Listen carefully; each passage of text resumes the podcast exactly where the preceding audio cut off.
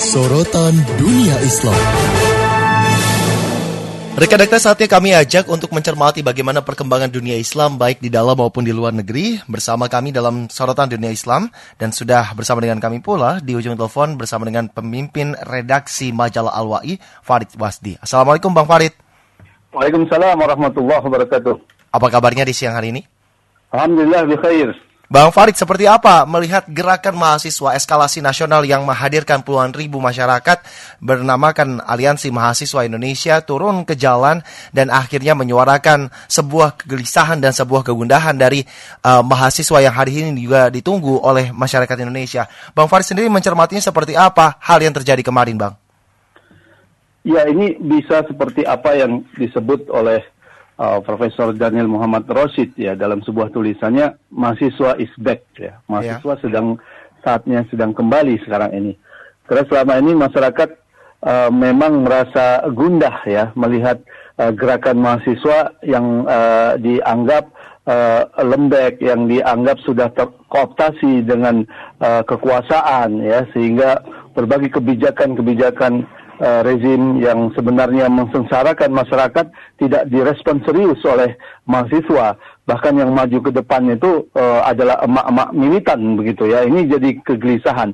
Dan sekarang ini uh, tampaknya mahasiswa uh, lepas apa pun yang menjadi uh, motifnya uh, menunjukkan uh, jati diri mereka ya sebagai uh, intelektual dan garda uh, terdepan ya yang harus kemudian uh, memberikan uh, respon terhadap uh, apa yang sedang terjadi uh, di negeri ini ya. Itulah menurut saya uh, menyebab uh, yang menjadi uh, hal yang positif dengan turunnya mahasiswa sekarang ya. Uh, terutama kalau saya lihat isu yang uh, paling uh, mengajak atau uh, mengajak mahasiswa mahasiswa itu adalah isu uh, eh, KPK ya pelemahan KPK yang ditandai dengan revisi undang-undang uh, eh, KPK yang intinya uh, revisi itu uh, melemahkan fungsi KPK untuk memberantas uh, korupsi di samping undang-undang uh, kontroversial yang lainnya uh, dan ini tentu suatu hal yang memang sudah seharusnya dilakukan oleh mahasiswa. Nah kalau Bang Faris sendiri melihatnya mahasiswa yang dibilang tertidur cukup lama dan akhirnya bangkit dengan adanya isu rancangan undang-undang yang ngawur dibuat DPR. Abang sendiri melihatnya bahwa kegelisahan ini memang murni dan tulus dari hati masyarakat yang memang ditunggu oleh masyarakat Indonesia. Ya, kalau dari sisi uh, masyarakat, masyarakat selama ini memang sudah mengalami uh, kesulitan yang uh, yang yang uh, semakin lama semakin meningkat ya kesulitan ekonomi ya uh, yang semakin lama semakin uh, berat ya. Di sisi lain ya masyarakat melihat uh, korupsi uh, merajalela ya uh, dan kemarahan itu tampaknya semakin uh, semakin apa tampak ya ketika uh, para elit politik ya baik itu dari pihak uh, pengusaha penguasa demikian juga uh, pihak uh, DPR itu membuat merevisi undang-undang yang justru ya memberikan uh, kesempatan kepada uh, koruptor itu lebih menjadi-jadi lagi ya. Ini menjadi uh, kemarahan uh, di tengah masyarakat. Jadi masyarakat sebenarnya sudah menunggu-nunggu ya aksi mahasiswa uh, seperti ini. Bahwa di belakang mahasiswa itu mungkin ada uh, kubu-kubu dan sebagainya ya itu menurut saya hal yang uh, wajar dalam uh, dunia politik ya. Uh, tidak ada gerakan uh, politik apa pun yang benar-benar uh, tidak uh, tidak ada di belakangnya pasti ada di belakangnya namun yang harus kita lihat ini aspirasi dari uh, dari masyarakat ya aspirasi dari rakyat dan ini menurut saya positif ya karena kalau tidak ada aksi-aksi seperti ini, uh, penguasa sekarang, rejim sekarang ini uh, uh, seolah-olah mereka bisa me membuat kebijakan seenak apa pun. Nah, itu itu yang itu yang uh, harus kita harus kita lawan gitu kan. Jadi mereka merevisi undang-undang KPK ya yang memberikan kemudahan-kemudahan bagi para uh, koruptor ya uh, yang kemudian nanti akan uh, melakukan pembebasan terhadap koruptor. Ini yang membuat kebijakan-kebijakan kebijakan seperti ini kan seolah-olah tidak ada yang menentang ya. ya. Seolah-olah semuanya sudah dikooptasi oleh uh, rezim sekarang, medianya dikooptasi sehingga seolah-olah bersuara sama untuk uh, membela penguasa.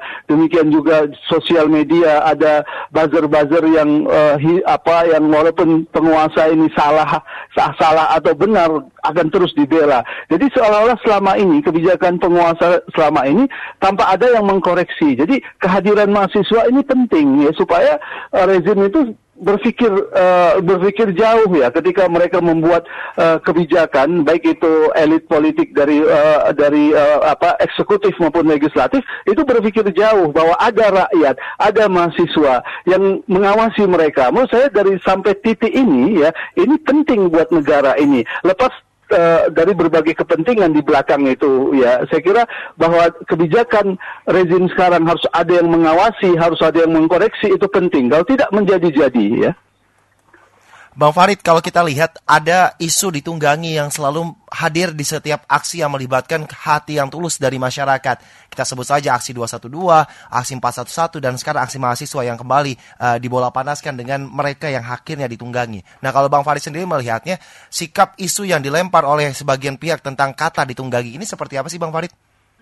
Ya ini kan cara rezim status quo untuk mempertahankan dirinya ya. Apalagi yang bisa mereka lakukan kecuali membangun isu-isu uh, seperti itu bahwa mahasiswa ditunggangi, 212 uh, ditunggangi ya. Jadi seharusnya ketika ada aksi mahasiswa, ada aksi 212 rezim berkuasa itu seharusnya berkaca mana dari kebijakannya yang keliru, mana yang harus diperbaiki. Seharusnya sikapnya kan begitu, yeah. satu sikap yang positif, bukan kemudian blaming the victim ya, uh, apa melakukan penyalahan ya kepada yang dikorbankan. Sekarang uh, rakyat itu kan dikorbankan, yang disalahkan rakyat. Ya hmm. mahasiswa itu sekarang banyak jadi korban kan dalam aksi-aksi kemarin. Yang disalahkan itu kemudian mahasiswa. Menurut saya cara berpikir seperti ini adalah cara berpikir berpikir lama yang dilakukan oleh rezim berkuasa untuk mempertahankan dirinya ketika rezim berkuasa ini tidak mau mengkoreksi dirinya. Padahal seharusnya yang dilakukan oleh rezim ketika ada rakyat yang mengkritik itu adalah mengkoreksi dirinya, bukan kemudian mencari-cari di luar itu. Ini siapa yang kemudian menunggangi sampai-sampai mengatakan di belakang ini adalah kelompok radikal, di belakang ini adalah apa macam-macam kan begitu. Kalau seperti itu cara berpikirnya ini menunjukkan rezim sekarang tidak mau berubah. Saya sederhana saja, lihat tuntutan mahasiswa, lihat tuntutan rakyat, apa yang harus diterima ya diperbaiki kan seperti itu seharusnya.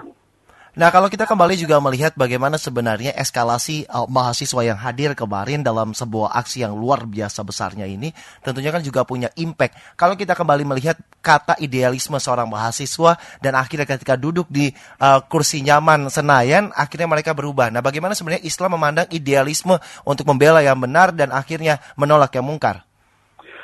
Idealisme itu seharusnya tidak berubah ya.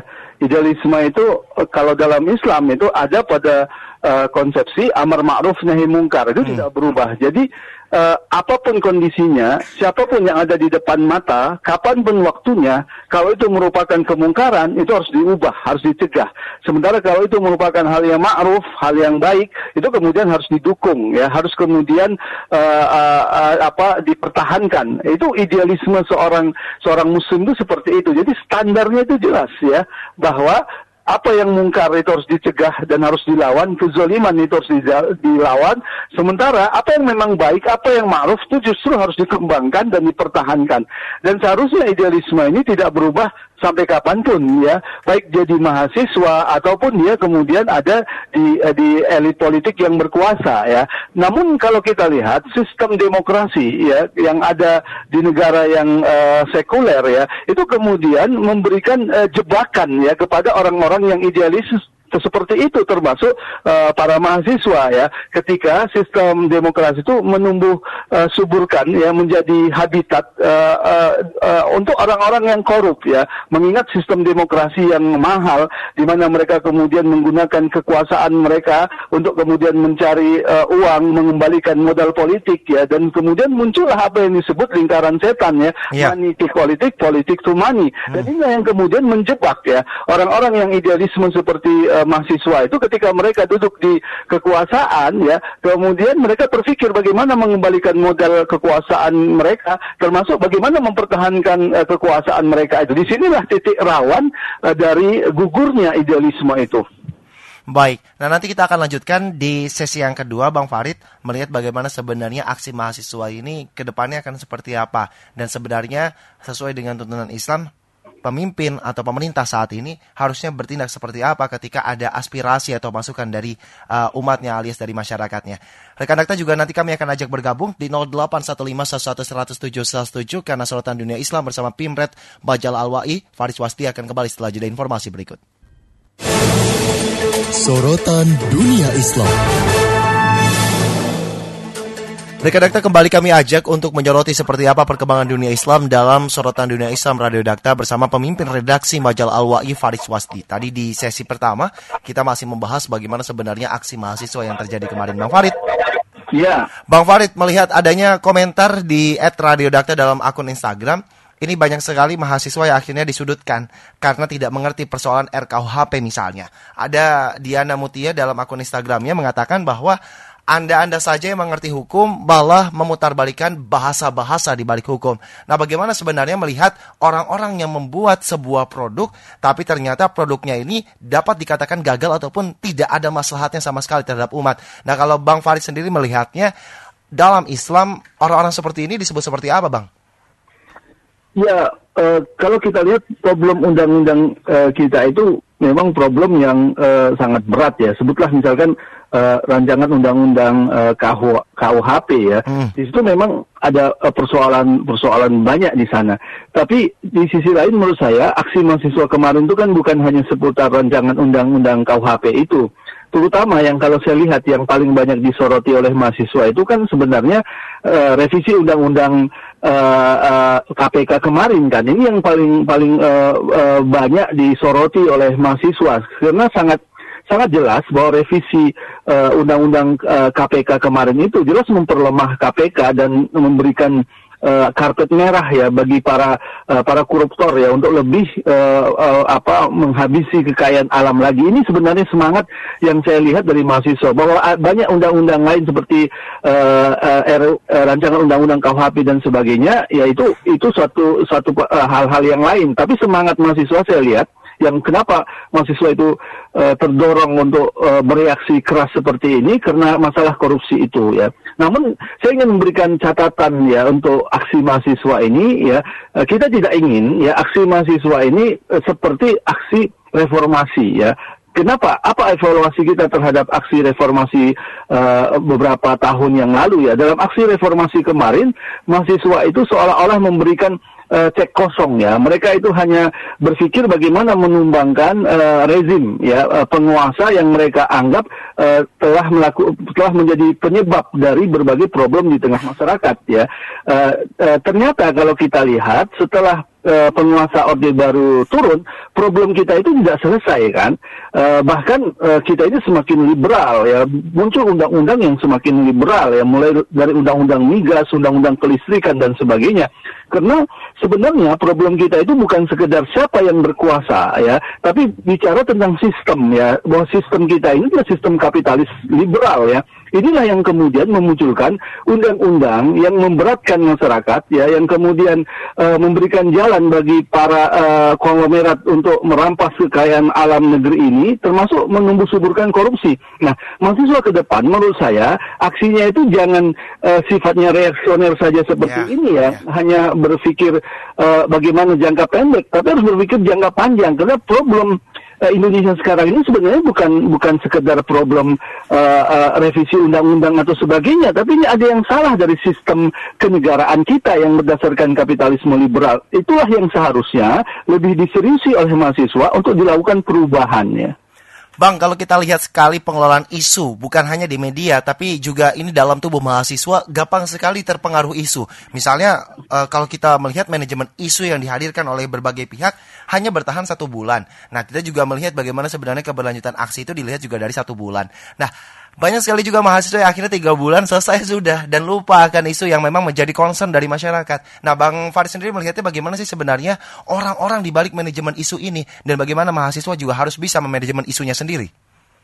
Ya, yang hal terpenting yang harus di menurut saya harus didalami oleh mahasiswa kita itu adalah mencari apa yang menjadi akar persoalan di tengah-tengah masyarakat kita ini hmm. jadi penting ya. Kalau tidak mahasiswa itu sikapnya sifatnya lebih bersifat reaksioner ya. ya.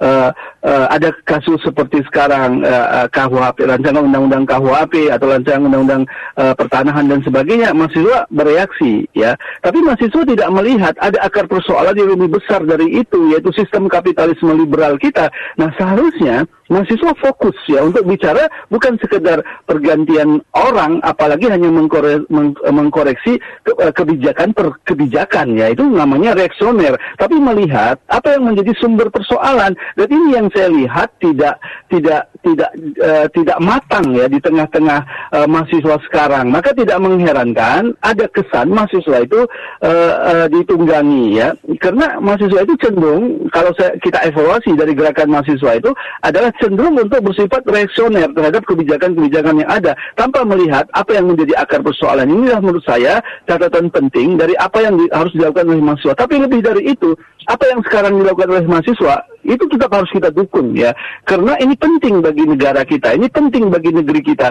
Ada garda terdepan yang mengkoreksi kebijakan penguasa. Kalau tidak seperti yang saya katakan tadi penguasa ini akan berbuat uh, uh, seenaknya. Seolah-olah mereka itu bisa membuat produk undang-undang tanpa memperhatikan kepentingan rakyat hanya untuk kepentingan elit politik. Ini menurut saya sampai sebatas itu apa yang dilakukan oleh mahasiswa sudah positif dan harus kita dukung. Tantangan terbesarnya adalah Gozer Fikir dan akhirnya terlena dengan apa yang sudah ada saat ini. Kita tidak memungkiri bahwa mahasiswa pada masanya dalam tanda kutip ini dengan penuh perjuangan, misalnya saja untuk bisa berkuliah. Tapi sekarang mahasiswa zaman sekarang kan mungkin sangat dipermudah dengan apa yang dia sekarang pegang, misalnya dengan uh, gawainya. Nah kalau Bang Faris sendiri melihat tantangan dalam uh, manajemen aksi, tantangan dalam merangkai kehidupan dan tantangan juga dalam menjaga kesatuan negara kesatuan Republik Indonesia ini juga cukup tinggi. Nah, Bang Faris sendiri melihatnya bagaimana godaan Gozul Fikir itu, Bang? Di sinilah perlu perjuangan yang didasarkan kepada iman ya. Kalau dalam Islam perjuangan yang didasarkan pada akidah Islam. Sehingga apa yang kita perjuangkan itu jelas ya. Uh, dan itu tidak berubah karena perubahan kondisi ya, perubahan ketika dia misalkan tidak lagi mahasiswa, ketika dia misalkan sedang mencari pekerjaan ya. Kalau tidak didasarkan pada keimanan akidah Islam itu, maka perubahan itu akan gampang terjadi. Ya, demikian juga harus jelas apa yang menjadi arah perubahan itu. Hmm. Maka tidak tidak lain seorang mahasiswa muslim itu tuntutan yang harus dia lakukan itu adalah bagaimana negeri ini agar lebih baik dan negeri ini hanya bisa lebih baik kalau diatur berdasarkan Islam, kalau diatur berdasarkan syariat Islam. Dan inilah yang harus menjadi concern para mahasiswa dan ini tidak berubah saat mereka uh, telah selesai menjadi mahasiswa atau saat mereka bekerja. Karena perjuangan ini adalah perjuangan jangka panjang. Oleh karena itu dasarnya harus jelas yaitu akidah Islam dan apa yang menjadi tujuan juga harus jelas yaitu bagaimana negeri ini menjadi negeri yang lebih baik, kesatuannya terjaga, kesejahteraan rakyat itu uh, terjamin dan itu hanya bisa dilakukan kalau negeri ini berdasarkan kepada syariat Islam. Ini yang catatan uh, ke depan yang seharusnya diperjuangkan oleh mahasiswa. Hmm. Bang, ada uh, rantai, misalnya saja kalau kita berbicara seputar mahasiswa ini, mahasiswa uh, takut dengan dosennya, dosennya takut dengan rektornya, rektornya takut dengan presiden, tapi presiden juga takut dengan mahasiswa. Nah, tapi itu tidak terjadi saat ini. Nah, kalau kita lihat juga bagaimana sebenarnya sistem perpolitikan, ada empat aspek yang hadir dalam kehidupan eksekutif, legislatif, yudikatif, dan media. Ternyata elemen mahasiswa dulu bisa merubah itu sebagai social control, tapi sekarang tidak bisa dilakukan. Apa pesan abang khususnya untuk umat Islam dan saat ini masih memang uh, menjadi mahasiswa untuk bisa bergerak atas hati nuraninya, atas agamanya dan akhirnya bisa berbuat lebih kepada negeri ini, Bang? Yang di, seharusnya ditakuti oleh mahasiswa itu adalah Allah Subhanahu wa taala. Ini penting. Hmm. Mahasiswa jangan takut sama rektor, mahasiswa jangan takut sama dosennya, mahasiswa jangan takut sama majikannya kalau dia nanti sudah bekerja. Mahasiswa jangan takut kepada siapa pun yang harus ditakuti oleh mahasiswa itu adalah Allah Subhanahu wa taala. Dan ini yang akan membuat perjuangan mahasiswa ini akan menjadi perjuangan yang uh, yang uh, murni, yang ikhlas, karena berjuang karena Allah dan untuk Allah. Nah, itu bisa uh, akan menjadi perjuangan yang yang uh, yang serius ya. Tapi kalau mahasiswa itu sudah takut kepada uh, dosennya, sudah takut kepada rezekinya, sudah takut kepada uh, kematiannya, maka omong kosong dengan perjuangan yang serius ya. Dan ini yang harus kita pelajari bagaimana Muhammad Al-Fatih bisa menaklukkan Konstantinopel, orang-orang muda yang akhirnya bisa mendobrak sebuah kejayaan Islam dan ini yang harusnya juga sama-sama kita pelajari ya Bang ya. Ya, benar sekali. Baik, Bang Farid, terima kasih sudah berbincang bersama kami dalam Sorotan Dunia Islam. Semoga Allah mudahkan segala urusannya. Assalamualaikum warahmatullahi wabarakatuh. Waalaikumsalam warahmatullahi wabarakatuh. Sorotan Dunia Islam. Pemimpin redaksi majalah Al-Wa'i Faris Wasdi.